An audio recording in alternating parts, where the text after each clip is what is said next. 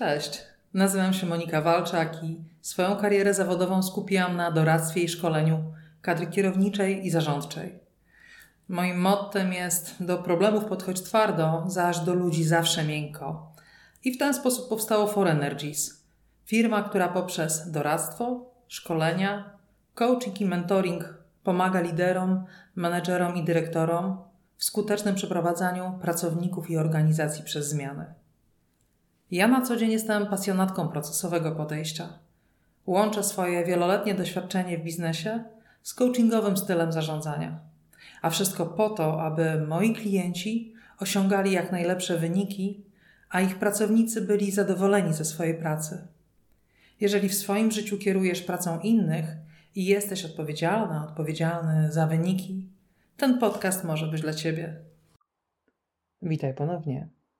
W tym, w tym odcinku zapraszam Cię do tego, żebyś przyjrzał, przyjrzała się, czy Twój świat jest światem bani, a może jest światem do bani. To wszystko w kolejnym odcinku serii, która jest poświęcona menedżerom, serii, której zadaniem jest tak naprawdę wspieranie Ciebie każdego dnia w tej Twojej codziennej rzeczywistości, rzeczywistości, w której odpowiadasz nie tylko za siebie, ale przede wszystkim za innych. Dlaczego? Dlatego, że tak naprawdę ludzie patrzą na ciebie. Twój nastrój, Twoje emocje i Twoja energia jest wprost widoczna i wprost przekłada się na to, w jakich warunkach, w jakiej atmosferze i w jakim nastroju zaczynają oni dzień. Zacznijmy więc od początku. O co chodzi ze światem bani? Żeby móc e, mówić o, światem, o świecie bani, przypomnijmy sobie jeszcze przez chwilę inny świat. Może słyszałeś, może słyszałaś, może nie.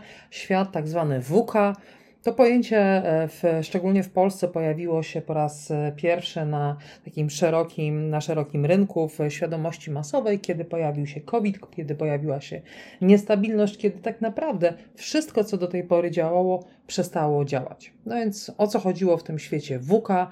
No przede wszystkim w świecie WUKA chodziło o to, że mówimy o rzeczywistości, która e, jest non-stop zmienna, która jest niepewna, która jest złożona i która jest niejednoznaczna. No i tak sobie ży żyliśmy w tym świecie WK przez kolejne trzy lata, aż do Polski przywędrowało i jest coraz bardziej popularne pojęcie świata bani. Więc e, o co chodzi w świecie bani? Świat bani najprościej, najszybciej, najkrócej to świat, w którym wszystko jest kruche. Skoro jest kruche, może się zepsuć w każdym momencie. Rzeczywistość i świat, w którym funkcjonujesz, jest światem niespokojnym. My jesteśmy niespokojni, czujemy się również bezradni i niezdolni do podejmowania decyzji. E, również jesteśmy, znaczy inaczej, może nie tyle jesteśmy, doświadczamy nieliniowości, co tak naprawdę oznacza, że stara zasada przyczyny i skutków, w której wyrastaliśmy i którą doskonale znamy i mamy wkodowane po prostu w, naszą, w, naszą, w nasz mózg, w naszą pamięć, de facto nie jest już możliwa do oszacowania z góry. Więc tak naprawdę łańcuch przyczynowo-skutkowy, który do tej pory wydawałoby się, wydawać by się mogło, że jest najbardziej skuteczny i daje nam poczucie bezpieczeństwa, właśnie nie działa. I ostatnia literka e, w tym akronimie i po polsku przetłumaczona jako niezrozumiałe, czyli tak naprawdę to oznacza, że te nieliniowe skutki, które się pojawiają, nieliniowe skutki jakiejkolwiek przyczyny, wydarzeń czy decyzji, często wydają się być pozbawione jakiejkolwiek logiki. No i to jest ten świat, w którym tak naprawdę przyszło, przyszło nam żyć. E, nie jest moim celem w tej chwili przekomarzanie się, czy świat WUKA zawierał pojęcia świata bani, czy też nie. Dzisiaj zapraszam Cię do tego, żebyś przyjrzał, przyjrzała się, jak wygląda no właśnie Twój świat. Czy on jest światem bani, czy on jest światem do bani i co z tego, i co z tego wynika. Jeśli jesteś menedżerem, team liderem, dyrektorem, szefem, jak zwał, tak zwał, w mniejszym stopniu ma tu znaczenie nazwa Twojego stanowiska. Po prostu, jeżeli jesteś odpowiedzialny czy odpowiedzialna za pracę swoją, ale też innych ludzi, to bez względu na wielkość zespołu, z reguły pojęcia typu ownership, mierzalne wskaźniki wysmarcone na dodatek Twojej pracy czy pracy Twojego zespołu. Responsibility, engage, engagement są to pojęcia, które gdzieś na co dzień Ci towarzyszą, ba wręcz wymagalne są przez Twoją organizację, są mocno wpisane w jej kulturę organizacyjną czy też w system, w systemie wartości. Więc to jest jakby jedna rzecz, tak? Czyli masz ten kodeks, kodeks firmowy, masz wartości firmowe, które są zapakowane do Twojego plecaka menedżerskiego, które są wymagalne, które są zaimplementowane, zaimplementowane przez Ciebie i chcesz je nieść, tak? Chcesz je wdrażać, utożsamiasz się, utożsamiasz się z nimi.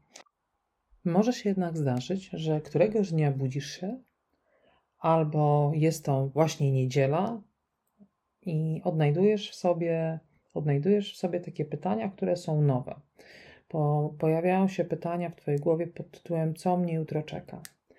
Odnajdujesz w sobie jakiś niepokój, odnajdujesz w sobie jakiś, jakiś no może napięcie mięśni, tak? Pojawiają się jakieś takie objawy, których nie do końca jesteś w stanie, niektóre nie do końca jesteś w stanie zdiagnozować, nie do końca wiesz, o co tak naprawdę w tym wszystkim chodzi, a może to jednak, nie wiem, niepokój związany z tym, że w ogóle jesteś jakiś taki przemęczony czy przemęczona po prostu, ale generalnie są to takie objawy, które pojawiają się gdzieś na granicy świadomości i nieświadomości. I potem czas płynie.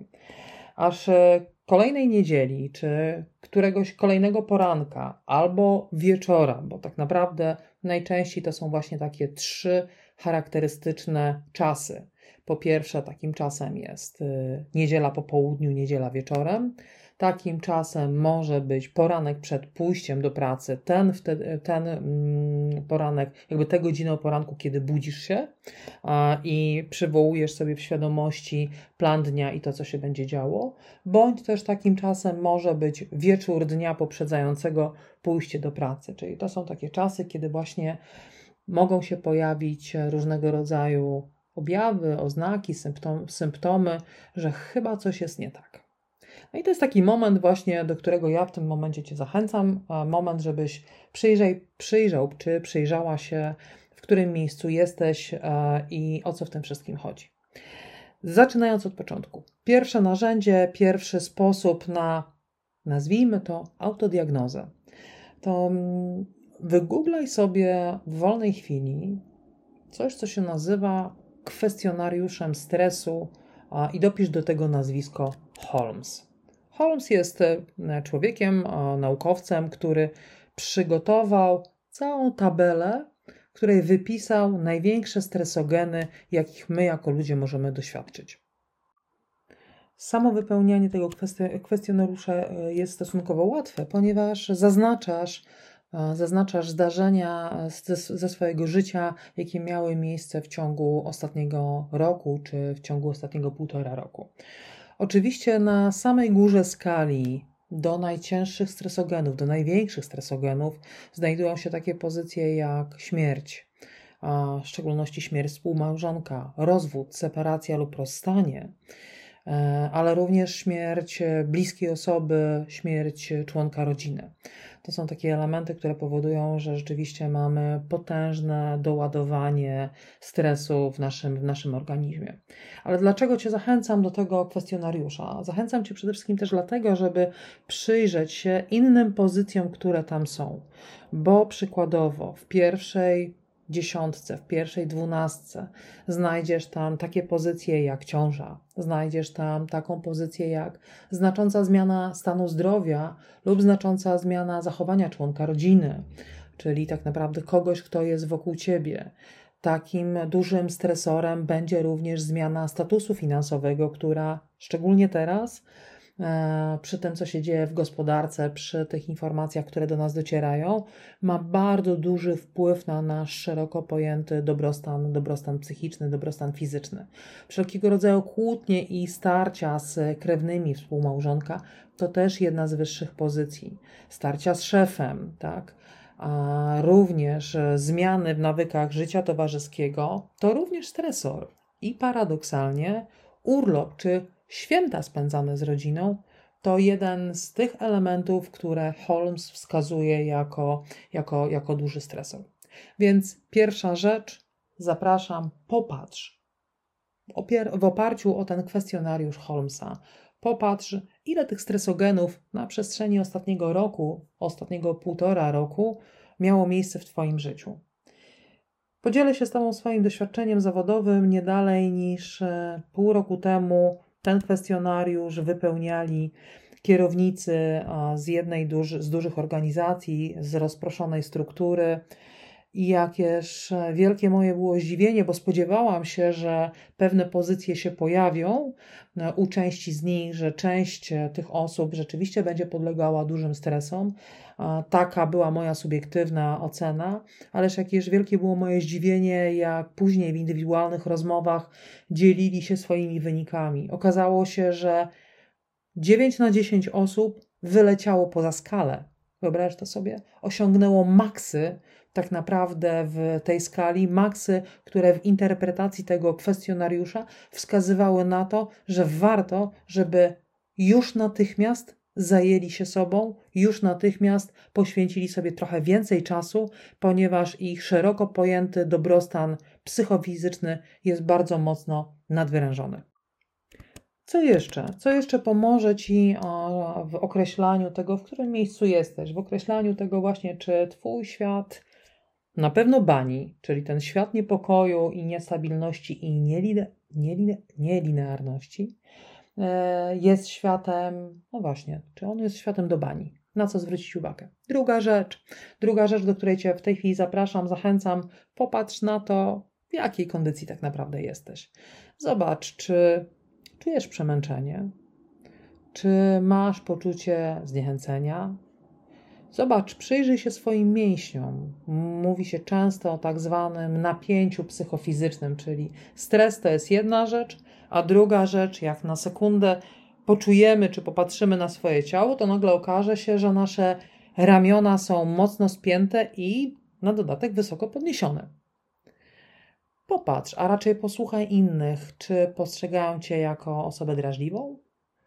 Zobacz też, e, jak ty widzisz świat, ale nie wtedy, kiedy jesteś wokół wszystkich, kiedy masz uśmiech na twarzy, tylko tak jak um, ja sobie to zawsze wyobrażam, wizualizuję, jak się czujesz, kiedy zgasną światła sceny, kiedy wyłączą się lampy. Co tam jest? Tam jest optymizm, tam jest realizm, a może tam jest pesymizm? Wszystko jest ok.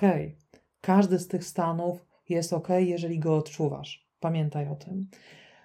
Kluczem jest to, żeby go sobie uzmysłowić i żeby go nazwać. Na co jeszcze warto zwrócić uwagę? Na co, do czego Cię będę jeszcze zachęcać? Zobacz właśnie w tym środowisku zawodowym.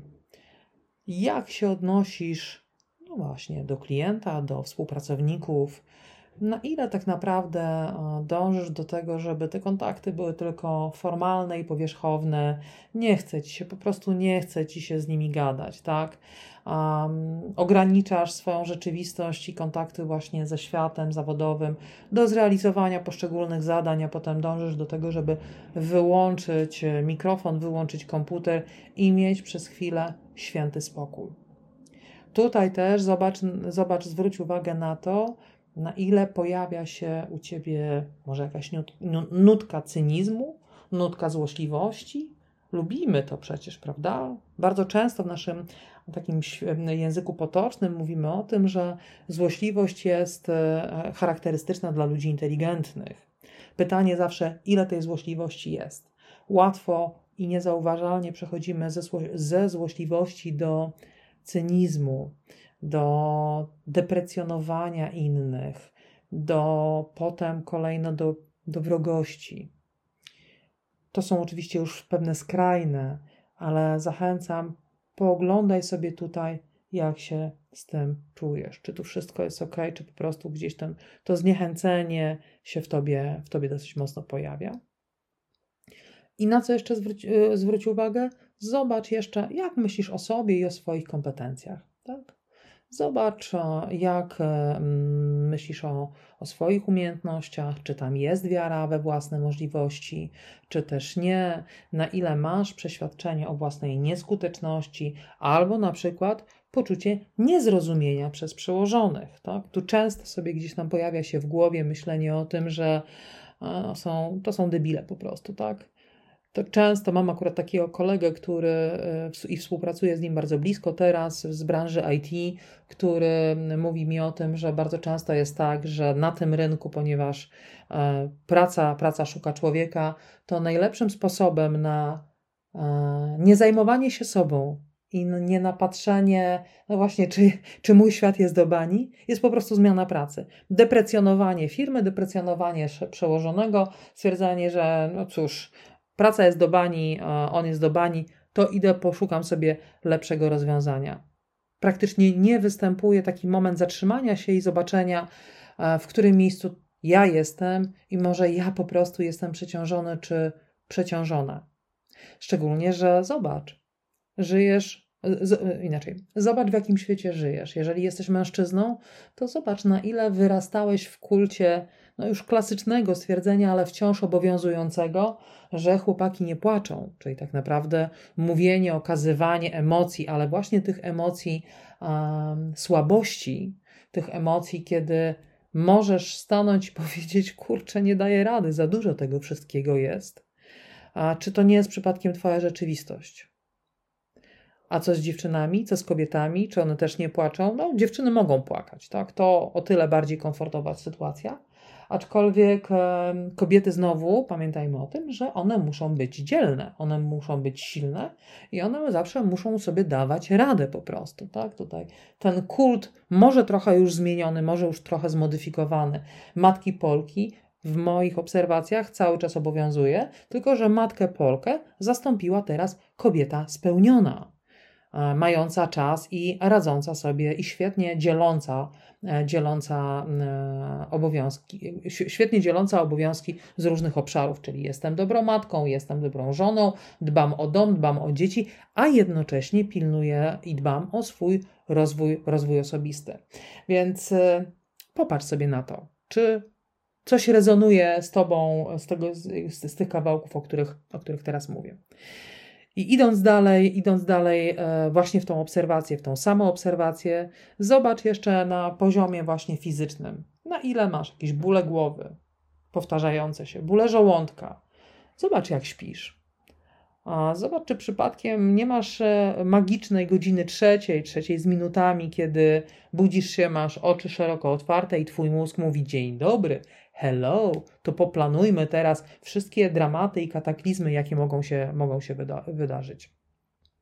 Czy w ogóle jakby towarzyszy Ci ogólne osłabienie, czy jakiś spadek odporności organizmu?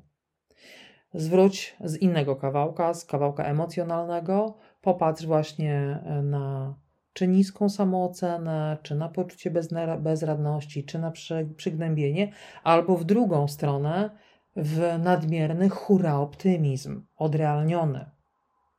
Bo zarówno jedna, jak i druga skrajna będzie tutaj symptomatyczna. No i z perspektywy jeszcze tutaj zawodowej popatrz na takie oznaki behawioralne, na takie oznaki związane z zachowaniem, czyli co z wydajnością Twojej pracy, jakie masz jakby z tymi klasycznymi taskami, tak? Na ile masz poczucie, że domykasz tematy, nie musisz mi pokazywać tej listy, nie musisz pokazywać tej listy przełożonemu. Popatrz sam, sama przed sobą, na ile masz poczucie, że właśnie realnie planujesz i to, co zrobisz, to znaczy to, czym się zajmujesz, jest potem dokończone, jest, jest domknięte. Też liczba konfliktów z innej strony, różnego rodzaju takich spięć, takich poczucia, że kurczę, znowu o coś on się czepia albo ona, tak? Znowu czegoś nie rozumie, tak?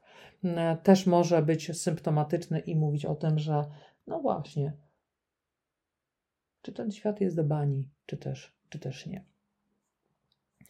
No i skoro już powiedziałam Ci o tych wszystkich objawach, jeżeli coś odnajdujesz tam um, dla siebie, jeżeli widzisz, że pojawiają się jakieś symptomy, obszary, którym warto byłoby się, warto byłoby się przyjrzeć, którymi warto byłoby, żebyś się zaopiekował czy zaopiekowała, zanim pójdziesz w nową pracę, zanim pójdziesz w deper, de, deprecjonowanie firmy, przełożonego, siebie samego albo cokolwiek innego, to to zobacz, to zobacz, jak, jak z tym sobie poradzić, może jak zapobiegać.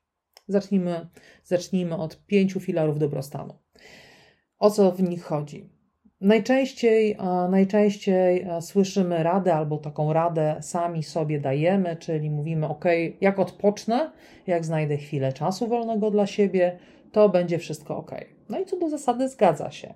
Rzeczywiście na poziomie zmęczenia fizycznego, w momencie, kiedy jesteśmy niedospani, przemęczeni, wyeksploatowaliśmy nasze siły, naszą energię, nie ma innego rozwiązania, jak przede wszystkim dać sobie fizycznie odpocząć. Czyli pierwszy do, filar dobrostanu to ten filar dobrostanu fizycznego. To jest raz. O co jeszcze, e, o czemu warto się przyjrzeć i o co warto jeszcze zadbać, jeżeli chodzi właśnie o mm, zadbanie o siebie, to filar dobrostanu duchowego. O tym rzadko się mówi, szczególnie w coachingu biznesowym. E, daleka jestem od y, powoływania się na jakąkolwiek religię.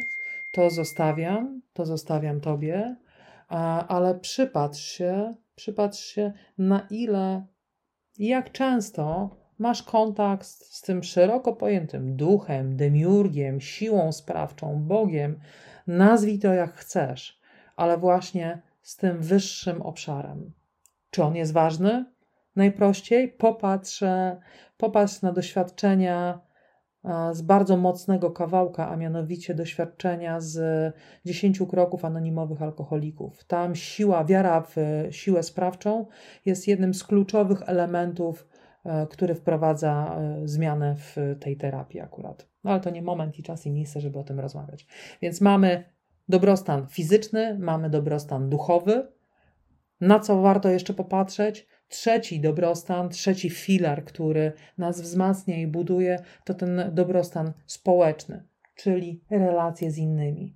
I tutaj nie myślę o relacjach z innymi, gdzie spotkamy się, nie wiem, przy piwie, soku, herbacie czy czymkolwiek. Co u ciebie słychać? A dzięki, wszystko w porządku. A u, cie, a u ciebie?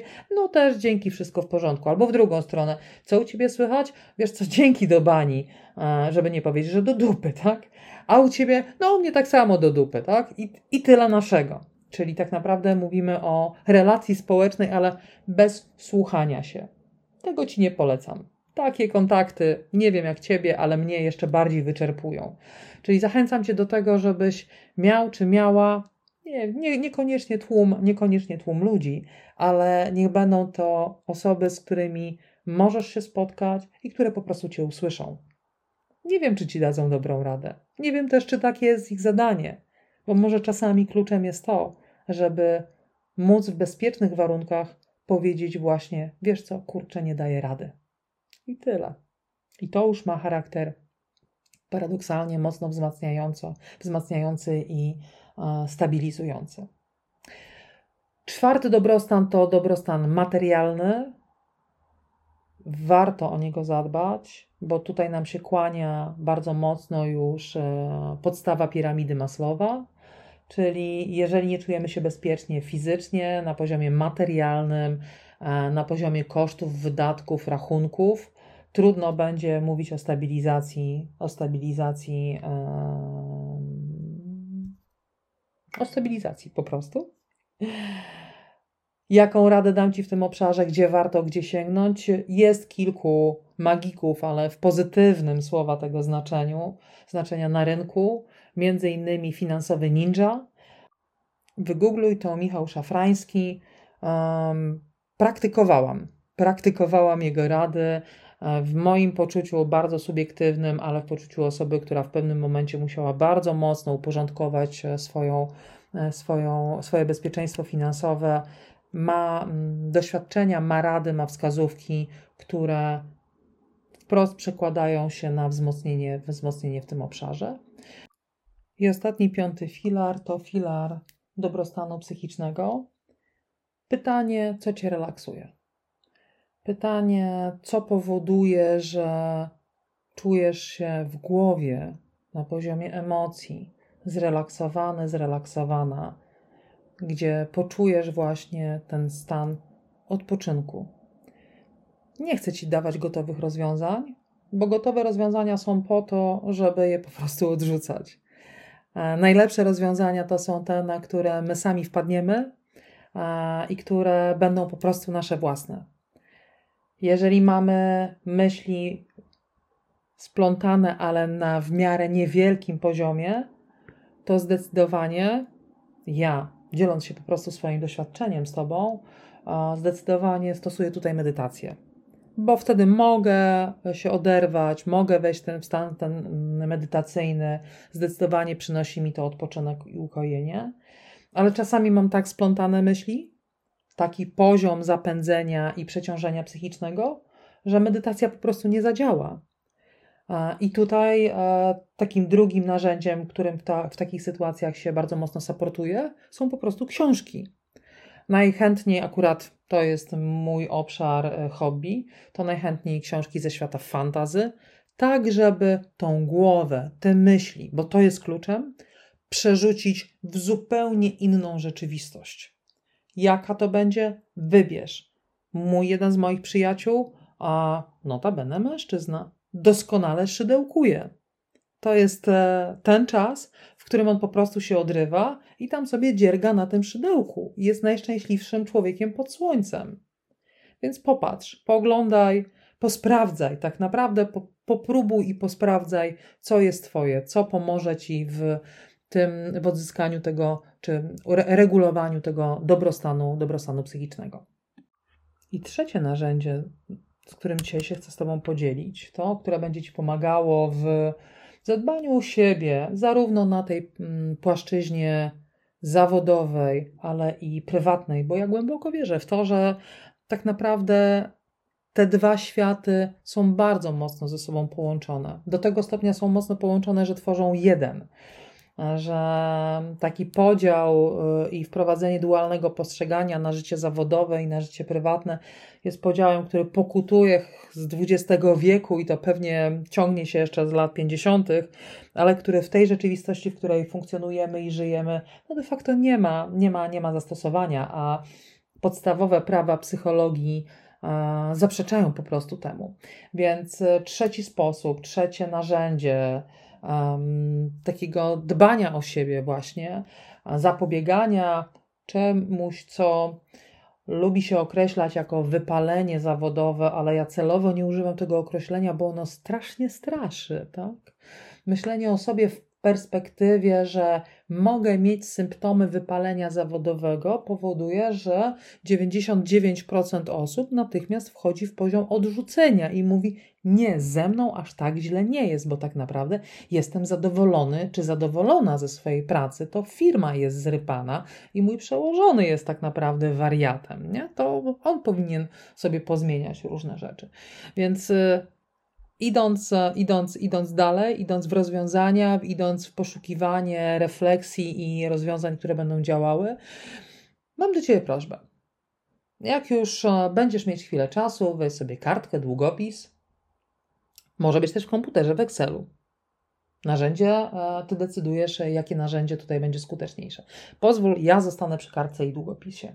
Więc weź sobie kartkę i długopis i w kolumnie w kolumnie wpisz cztery następujące obszary. Jeden to obszar, który nazwiesz ciało, drugi obszar to mm, obszar, który nazwiesz emocje, trzeci to relacje i czwarty nawyki. I teraz posprawdzaj sobie. Posprawdzaj sobie. W obszarze ciała, jaki masz stan obecny? Co się w tym obszarze teraz dzieje? No, czyli przykładowo wszystko mnie boli. Boli mnie kręgosłup, tak? Najczęściej. Albo bolą mnie stawy. Albo chciałabym, czy chciałbym być bardziej sprawny fizycznie. To jako przykład. Idąc dalej, w obszarze emocji. Jaki masz stan obecny? Co w obszarze emocji teraz się dzieje? Na przykład jestem wiecznie zmęczona albo jestem rozdrażniona, często wpadam w złość. Wkurza mnie to wszystko po prostu. To też jest dobre stwierdzenie. Też warto pewne rzeczy powiedzieć na głos, tak jak o tym myślimy. Dalej idąc, w obszarze relacji, co w tym stanie jest na tu i teraz? Bo może się okaże, że nie masz tych relacji. Zobacz, jakie one są. Czy one są tak naprawdę tylko powierzchowne? Czy one właśnie sprowadzają się do tego, że co u ciebie, co u ciebie, fajnie, wszystko w porządku, albo nie fajnie do bani, albo spotkamy się w sobotę, nastukamy się, nawalimy się, mamy chemiczny reset, potem niedziela wracamy do sił i zdrowia i w poniedziałek, ups, witaj rzeczywistości, bo tak naprawdę niewiele się zmienia. Albo y, to odwentylowanie, które tam sobie ordynujesz, no starcza na jakiś czas, ale niekoniecznie na zbyt długi, i potem znowu zaczyna się w środę doczłapywanie do weekendu. I ten klasyczny, ograny już strasznie, strasznie mocno, piątek, piątunio i znowu impreza albo cokolwiek innego, co przynosi doraźną zmianę, doraźną ulgę, ale na koniec dnia nie wprowadza pożądanego, e, pożądanej długoterminowej zmiany. Czyli mamy relacje i na koniec e, czwarty obszar to obszar nawyków. No właśnie, jakie masz nawyki? Co się w tym obszarze znowu dzieje? Które są nawykami, które ci służą, które lubisz, które cię wzmacniają, a które nawyki, jak sobie porównasz na przykład z jakimikolwiek poradnikami, nie wiem, chociażby weźmy trenerów personalnych, no to się okaże, że cóż, nikomu i niczemu nie służą. Czyli krótko mówiąc, na przykładzie, jeżeli, jeżeli masz pracę siedzącą, zostańmy na chwilę w branży IT, jeżeli właśnie non-stop siedzisz przed kompem yy, i siedzisz przed tym kompem, nie wiem, standardowe 8 godzin po prostu, tak? A potem wsiadasz w samochód i przerzucasz się do znajomych.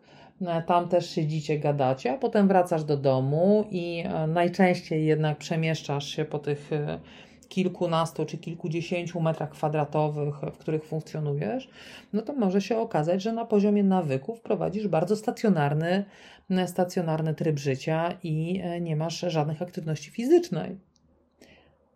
I co z tego, że twój zegarek, super smartwatch Garmin na przykład, co 45 minut, czy co godzinę, czy co półtorej godziny tam ci pyka i mówi wstań i rozluźnij się, albo odpręż, albo wykonaj podstawową gimnastykę.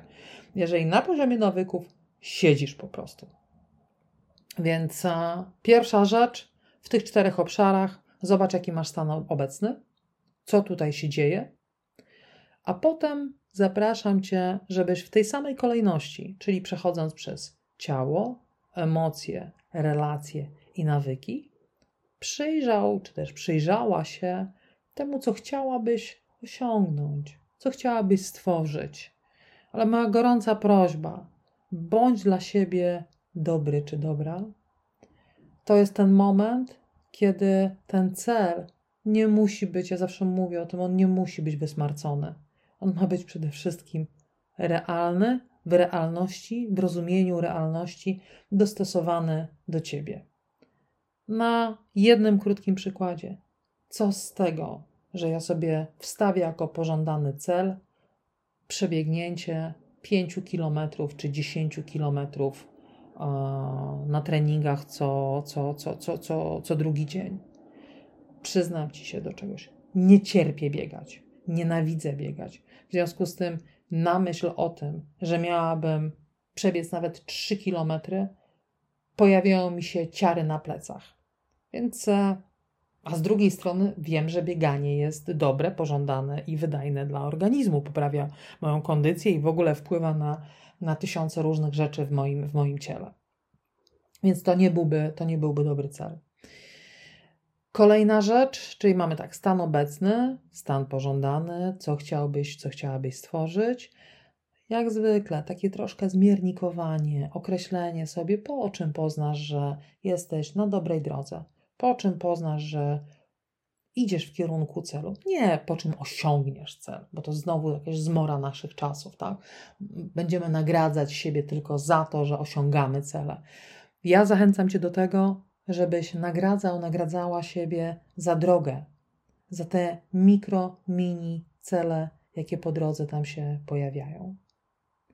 I ostatni punkt, wiem, że tego dużo jest i wiem, że to jest bardzo intensywne, co ci proponuję, ale wiem też, że to jest skuteczne. To pomyśl i zanotuj, co choćby małego, drobnego, jaki najmniejszy, najdrobniejszy krok możesz zrobić, żeby ruszyć. Po prostu, żeby ruszyć w tą drogę do zmiany. Trzymam mocno kciuki za Ciebie. Jeżeli masz jakiekolwiek pytania, refleksje, chcesz się z czymkolwiek ze mną podzielić, zapraszam Cię serdecznie. Możemy się skontaktować albo przez Facebooka, albo przez serwis LinkedIn, bądź też zostaw swój komentarz na YouTubie.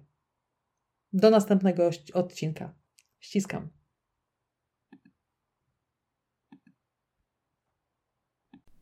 Dziękuję Ci bardzo za wysłuchanie tego podcastu. Zapraszam serdecznie do moich kanałów na Facebooku, na Instagramie. Znajdziesz mnie na profilu For Energies